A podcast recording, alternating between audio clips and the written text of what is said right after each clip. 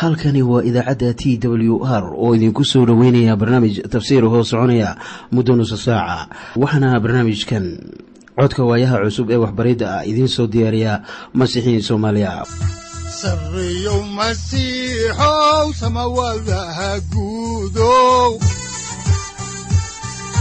Siraadkii adduunkow subanaha eebow sareyow masiixow samawadaha guudow. Siraadkii adduunkow subanaha eebow.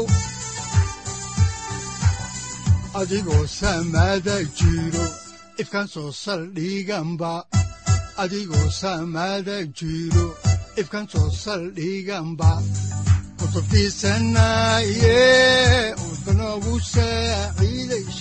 sifahaaga ku soo dhowaada dhegaystayaal barnaamijkeenna dhammaantiinba. Waxaannu caawa idiin sii wadi doonnaa daraasaad aynu ku eegayno injiilka sida matayos uu qoray waxaana daraasaadkaas loogu magac daray baibalka dhammaantii. Waxaannu macluumaad idinka siinaynaa ahmiyadda uu leeyahay injiilka sida matayos uu u qoray waxaanan caawa idiin sii wadi doonnaa cutubka tobnaad oo aynu horay idinku soo bilownay.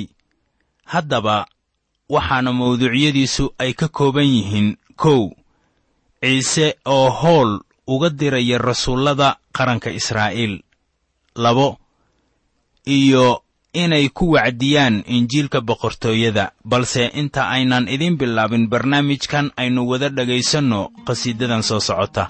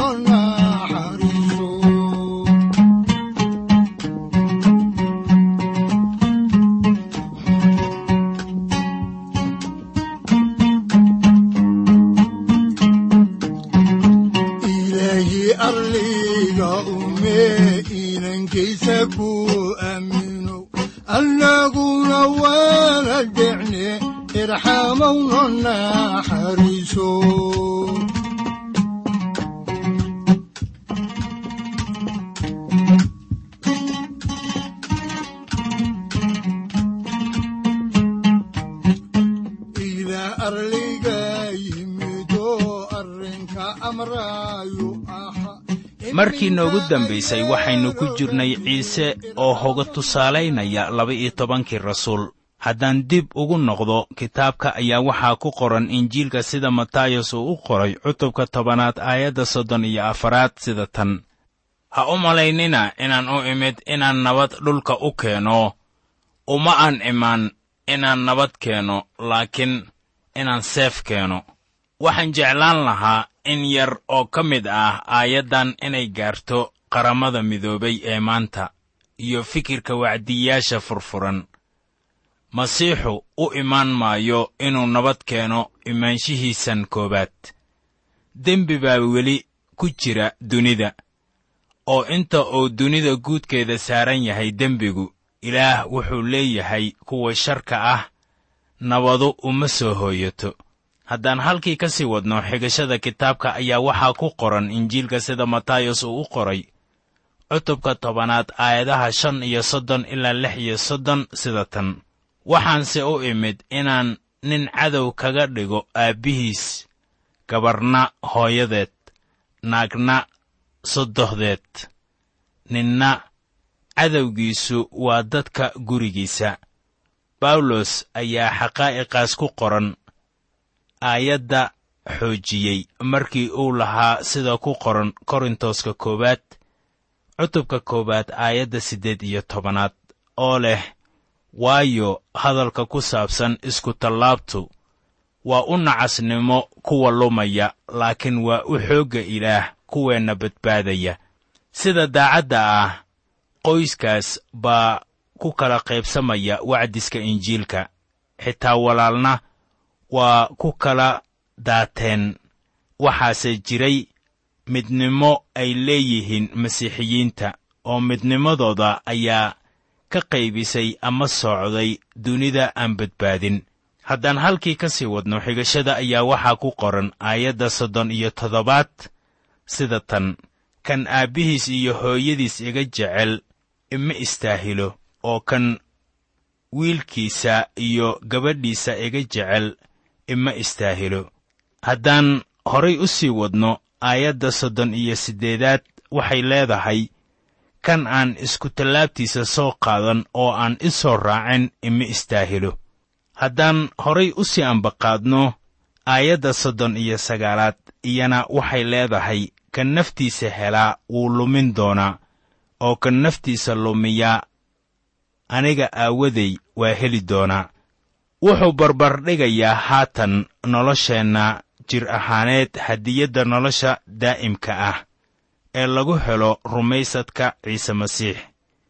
Waa suuragal in markii qofi uu u yimaado masiixa in qofkaas loo dilayo rumaysadkiisa laakiin taasu aalaaba kama dhacdo waddanka maraykanka laakiin waa ka dhacdaa meelaha kale ee dunideenna maanta haddii nin uu u lumiyo naftiisa jir ahaaneed masiixa aawiis. Qofkaasu wuxuu helayaa nolosha daa'imka ah taasoo horgaynaysa masiixa. Bawlos ayaa warqaddiisii labaad ee korintos cutubka shanaad aayadda siddeedaad ku yidhi waynu kalsoonnahay oo waxaynu ku jecelnahay inaynu jidhka ka maqnaanno oo aynu rabbiga la joogno haddaan ka sii ambaqaadno halkaasi xigashada kitaabka waxaa ku qoran cutubka tobanaad aayadaha afartan ilaa afartan iyo labo sida tan. Kan idin aqbalaa wuu i aqbalaa. Kan i aqbalaana wuxuu aqbalaa. Kan i soo diray. Kan nebi ku aqbalaa nebi magiciis wuxuu heli doonaa nebi abaalkiis. Kan qof xaq ah ku aqbalaa qof xaq ah magiciis wuxuu heli doonaa qof xaq ah abaalkiis ku alla kii kuwan yar yar koob biyo qabow oo keliya ku siiya qof xer ah magiciis runtii waxaan idinku leeyahay abaalkiisu ka lumi maayaba. Haddaba injiilka sida yooxanaa uu u qoray markii aan eegno ayaa sayid ciise masiix uu caddaynayaa qaybtan markii uu leeyahay dunidu way i nabcaatay wayna necbaanaysaa kuwiisa. Waa inaynaan haddaba caan ka noqonin dunida in ka badan intii ciise caan uu ka ahaa.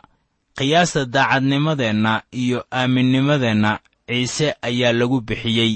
Abaalka nebiyadu leeyihiin iyo abaalka kan xaqa ahi leeyahay. Ciise masiix ma ahan nin caadi ah. Waxaase weeye boqorka ka madaxda noqonaya boqortooyada jannada. Laba iyo tobanka rasuul waxay ku wacdiyayeen waa marka ay magaalooyinka israa'iil joogaane boqortooyadii jannadu way dhowdahay. Haddaba haddii aniga talo lay weyddiin lahaa saakay ama xalay ama caawa waxaan odhan lahaa haddii wadaaddo sayid ciise masiix dhankiisa ka socda ay idin yimaadaan warka ka dhegaysta oo waxba ha yeelinina waxay aadeen jidadka iyo dariiqyada ilaa ay wada gaareen caasimadaha israa'iil oo dhan. Haatan muxuu noqonayaa sida looga soo dhowaynayo magaalooyinka. Maxay dadku ka odhanayaan sheegashadiisa masiixa? Hal eray baan idinku soo dhowaynayaa wixii ay magaalooyinkaasu ka yidhaahdeen wacdigiisii waana maya. Haddaba cutubkani waa mid aad mooddo inuu yahay xuduud wax kala qaybinaya. Waa hawshii ciise masiixe aayadaha siddeed iyo labaatan ilaa soddon. Waxaannu ku arkaynaa inuu farriin cusub bixinayo. Waa ka tegis uu ka tegayo farriinta towbadda. Marka la eego xaadirnimada boqorka haddaan halkii horay uga sii ambaqaadno xigashada cutubkan kow iyo tobanaad ee injiilka sida matayos uu u qoray ayaa waxaa ku qoran aayadda koowaad goortii ciise amarkiisa uu u dhammeeyey laba iyo tobankii xertiisa ahaa waxaa dhacay inuu meeshaas ka noqday inuu magaalooyinkooda wax ku baro oo ku wacdiyo. Iminkana aynu eegno maaddada ah ciise oo ay su'aalo weyddiiyeen xertii yooxanaa baabtiisaha haddaan ku noqonno cutubka kow iyo tobnaad aayaddiisa labaad ayaa qoran. Goortii yooxanaa xabsiga uu ka maqlay shuqulladii masiixa laba xertiisii ah ayuu u soo diray. Markaan dib ugu noqonno injiilka sida matayos uu u qoray cutubka afaraad aayadda laba iyo tobanaad ayaa laynoogu sheegay in yooxanaa baabtiisaha xabsi la geliyey markaana ilaa iyo qadar buu xidhnaa laakiin howlaha ama dhaqdhaqaaqa sayid ciise waa lala socodsiin jiray. Xertii yooxanaa baabtiisaha ayaa waxay eegayeen howlihii ciise oo yooxanaa ayay dib ugu sheegayeen halka xaal uu marayo. Yooxanaa wuxuu malaynayey in maalin maalmaha ka mid ah iridda xabsiga ay furmi doonto oo uu xor noqon doono wuxuu rumaysnaa in ciise kol dhow uu imaanayo carshigiisa oo uu boqortooyadiisa ka taagi doono. Haddaan halkii ka sii wadno kitaabka ayaa waxaa ku qoran injiilka sida matayos uu u qoray cutubka kow iyo tobanaad aayadda saddexaad oo leh miyaa tahay kan imaanaya mise mid kale ayaannu dhoornaa yooxanaa su'aashiisu waa mid xigmadaysan wuxuu lahaa asbaab waliba ee uu ku rumeeyo in boqorku uu qaadan doono awoodda wakhtigan. Sida xaqiiqada ah wuxuu la yaabay sida qunyar socodka ah ee sayidku uu u socdo marka uu soo korayo carshigiisa. Waxaad haddaba ogaataa sidii sayidku uu ugu jawaabay xertii yooxanaa baabtiisaha. Markuu lahaa sida ku qoran aayadaha afar ilaa lix waxaana qoran sida tan markaasaa ciise uu u jawaabay uu ku yidhi taga oo yooxanaa uga warrama waxaad aragteen iyo waxaad maqasheen. Kuwii indhaha la'aa wax bay arkeen. Kuwii lugaha la'aana way socdaan. Kuwii baraska qabayna waa la nadiifiyey. Kuwii dhegaha la'aana wax bay maqlaan. Kuwii dhintayna waa la sara kiciyey. Masaakiintana injiilka waa lagu wacdiyaa. Oo waxaana barakadaysan kan aan iga xumaanin. Jawaabta ciise waa mid aad u wanaagsan waxaana la fahmi karayaa oo keliya markaad soo qaadato wixii caddaymo ah ee ahdigii hore uu ka bixiyey masiixa. Tanina waxay qusaynaysaa wixii lagu qoray kitaabkii ishaaciyah soddon iyo shan. Waa cutubka ee aayadaha afar ilaa lix oo leh kuwa qalbigoodu cabsanayo waxaad ku tidhaahdaan xoog yeesha oo ha cabsanina waayo ilaahiinnu wuxuu la iman doonaa aarsasho iyo abaalmarintii ilaah. Wuu imaan doonaa wuuna idin badbaadin doonaa oo markaasaa kuwa indhahala indhahoodu furmi doonaan oo kuwa dhegahala dhegahooda furka laga bixin doonaa oo markaasaa ninkii curyaan ahu wuxuu u boodi doonaa sida deerada oo kale oo kii carrabla carrabkiisuna waa gabyi doonaa waayo cidlada biyaa ka soo burqan doona oo lamadegaankana durduraa ka bixi doona. Haatan weli cidlada biyo kama soo burqanin oo lamadegaankana durdurro kama soo butaacin markii ciise uu yimid maxaa dhacay? Waayo ma uusan dhammaystirin boqortooyadiisa markii hore ee uu yimid. Laakiin wuxuu ahaa boqorka. Wuxuuna watay aqoonsiga ah in isagu uu ahaa masiixa. Waana taas waxa uu leeyahay. Yooxanaa wuxuu gartay inuu lahaa aqoonsigaas. Iminkana aynu ka hadalno maaddada ah ciise oo ammaanaya yooxanaa baabtiisaha aayadahan soo socda ayaa ciise wuxuu difaacayaa yooxanaa baabtiisaha. Haddii ay jiraan kuwa doonaya inay isaga daleeceeyaan. Haddaan halkii ka sii wadno ayaa waxaa ku qoran injiilka sida matayos uu u qoray cutubka kow iyo tobanaad aayadda toddobaad sida tan. Markay tageen ciise wuxuu bilaabay inuu dadkii badnaa wax uga sheego yooxanaa oo wuxuu yidhi maxaad cidlada ugu baxdeen? Ma waxaad ay ahayd inaad soo aragtaan cawsduur dabaylu ruxayso markay tageen ciise wuxuu bilaabay inuu dadkii badnaa wax uga sheego yooxanaa oo wuxuu yidhi maxaad cidlada uga baxdeen ama maxaad cidlada ugu baxdeen?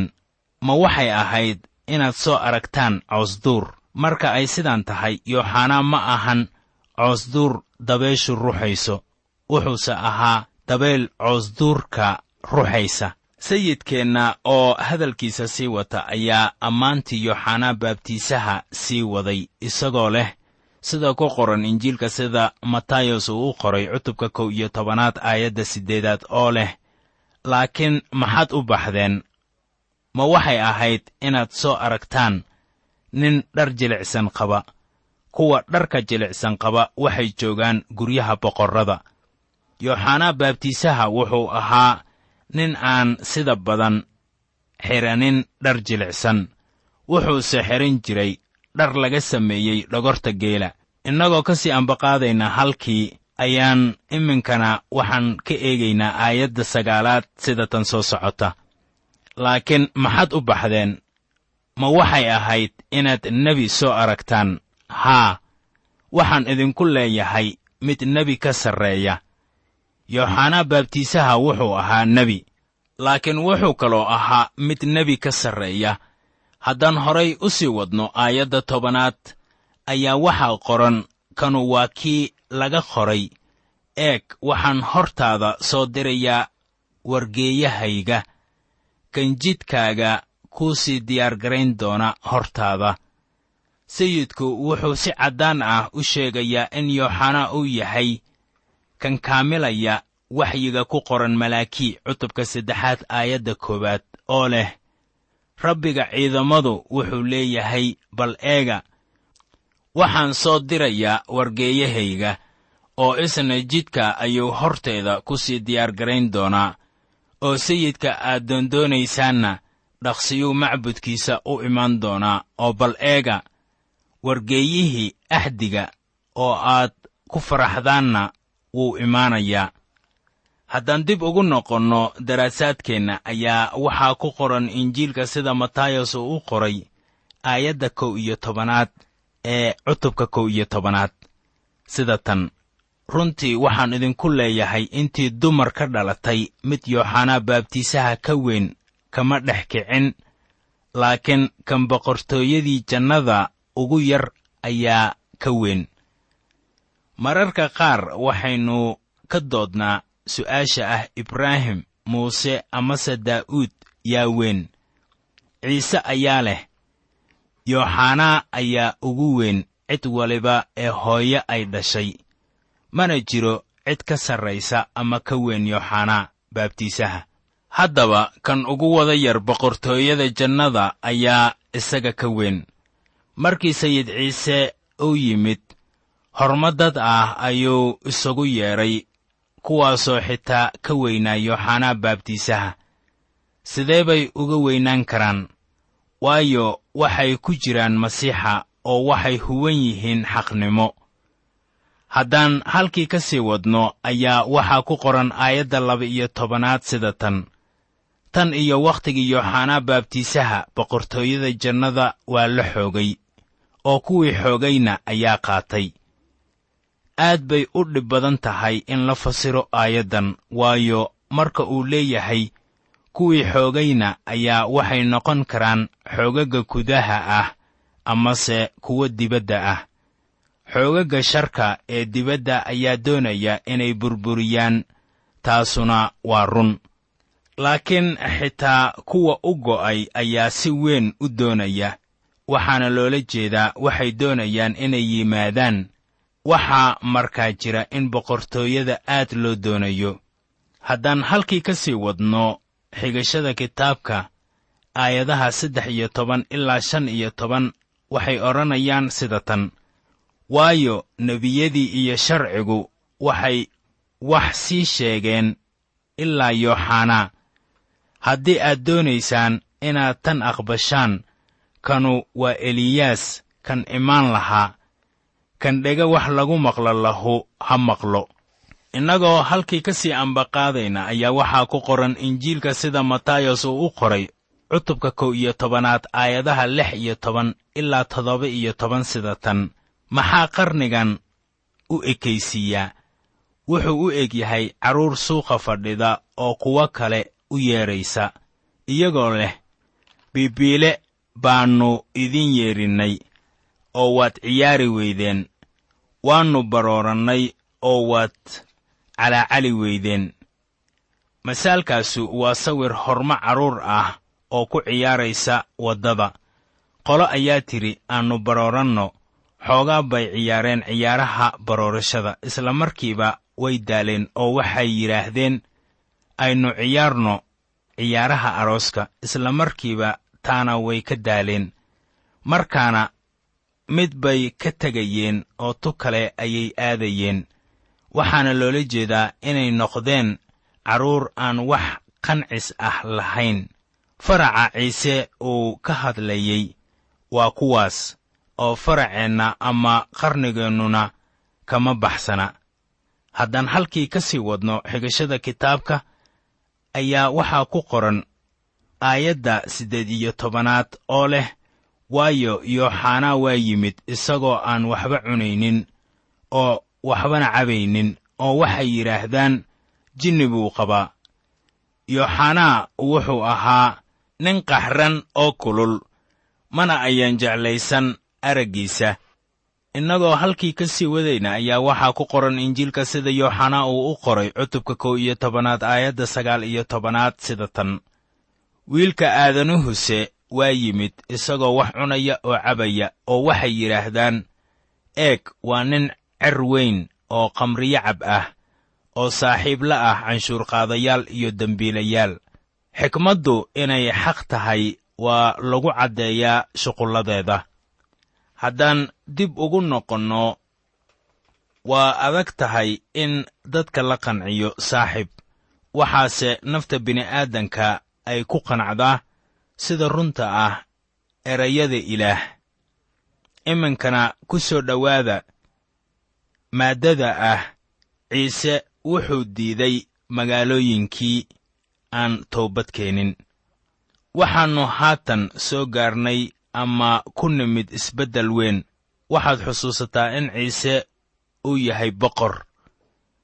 Haddaan dib ugu noqonno injiilka sida matayas uu u qoray cutubka kow iyo tobanaad aayadaha labaatan ilaa kow iyo labaatan ayaa waxaa qoran. Dabadeed wuxuu bilaabay inuu canaanto magaalooyinkii uu shuqulladiisa xoogga leh. Badidood ku dhex sameeyey waayo ma ay toobad keenin. Waa kuu hoog qorisinay. Waa kuu hoog betsayday waayo shuqulladii xoogga lahaa oo laydinku dhex sameeyey haddii lagu dhex samayn lahaa turos iyo sidon goor horay toobad keeni lahaayeen iyagoo dhar jooniyad ah gashan oo dambas ku fadhiya.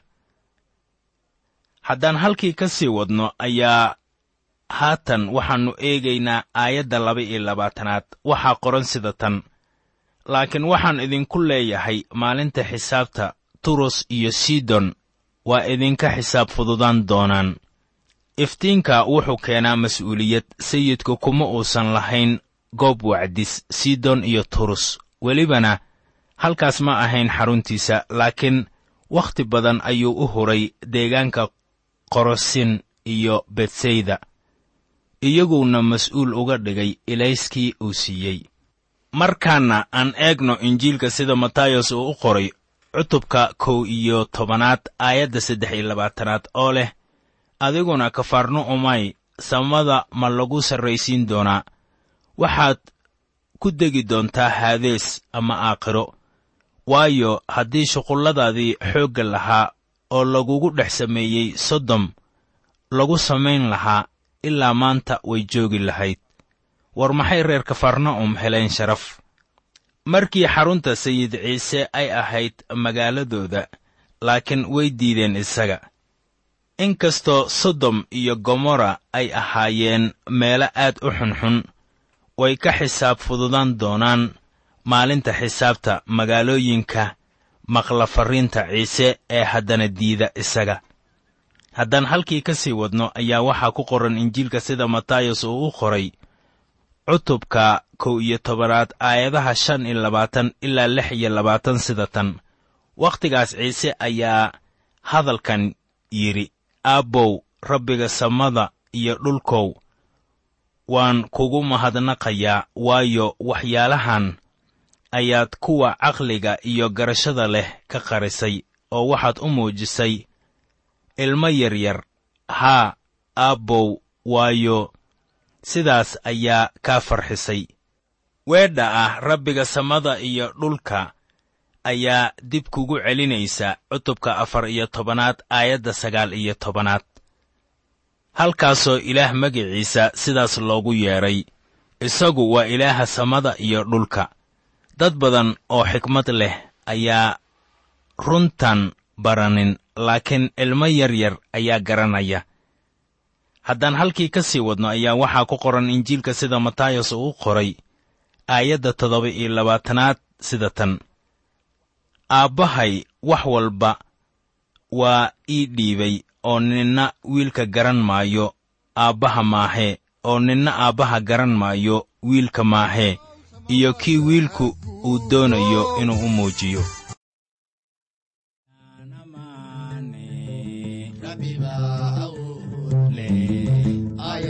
Iyo khayr badan ilwad iyo sharaf leh kalayaan amaane adduunku badbaadsho dembigeenni awgii isaga u iishe kalayaan amaane rabbiba awood leh ayo iyo khayr badan ilwad iyo sharaf leh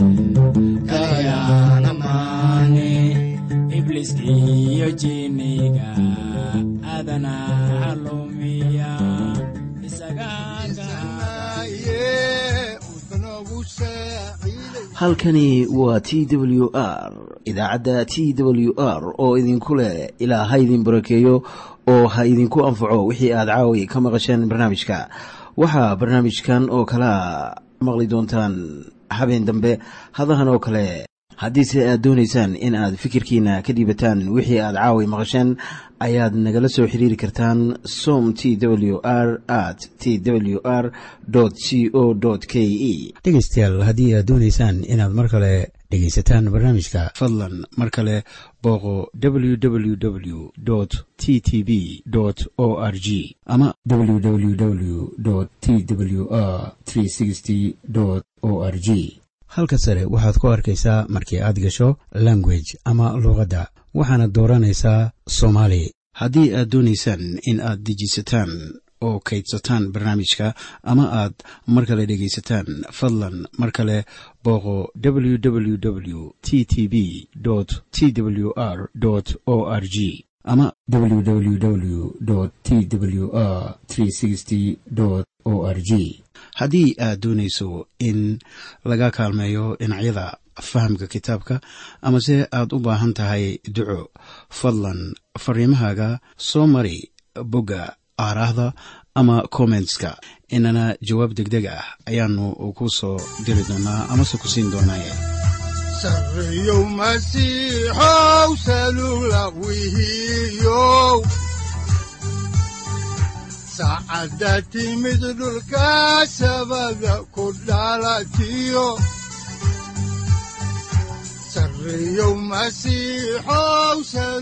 halkani waa t w r oo idiin rajaynaya habeen baraare iyo barwaaqaba leh inta aynu ka gaari doono wakhti aynu ku kulanno barnaamij la mida kan caawayay aad maqasheen. Waxa aan idinku leeyahay nabadda ciise masiix ha idinku badato xagga jidhka iyo ruuxaba aamiin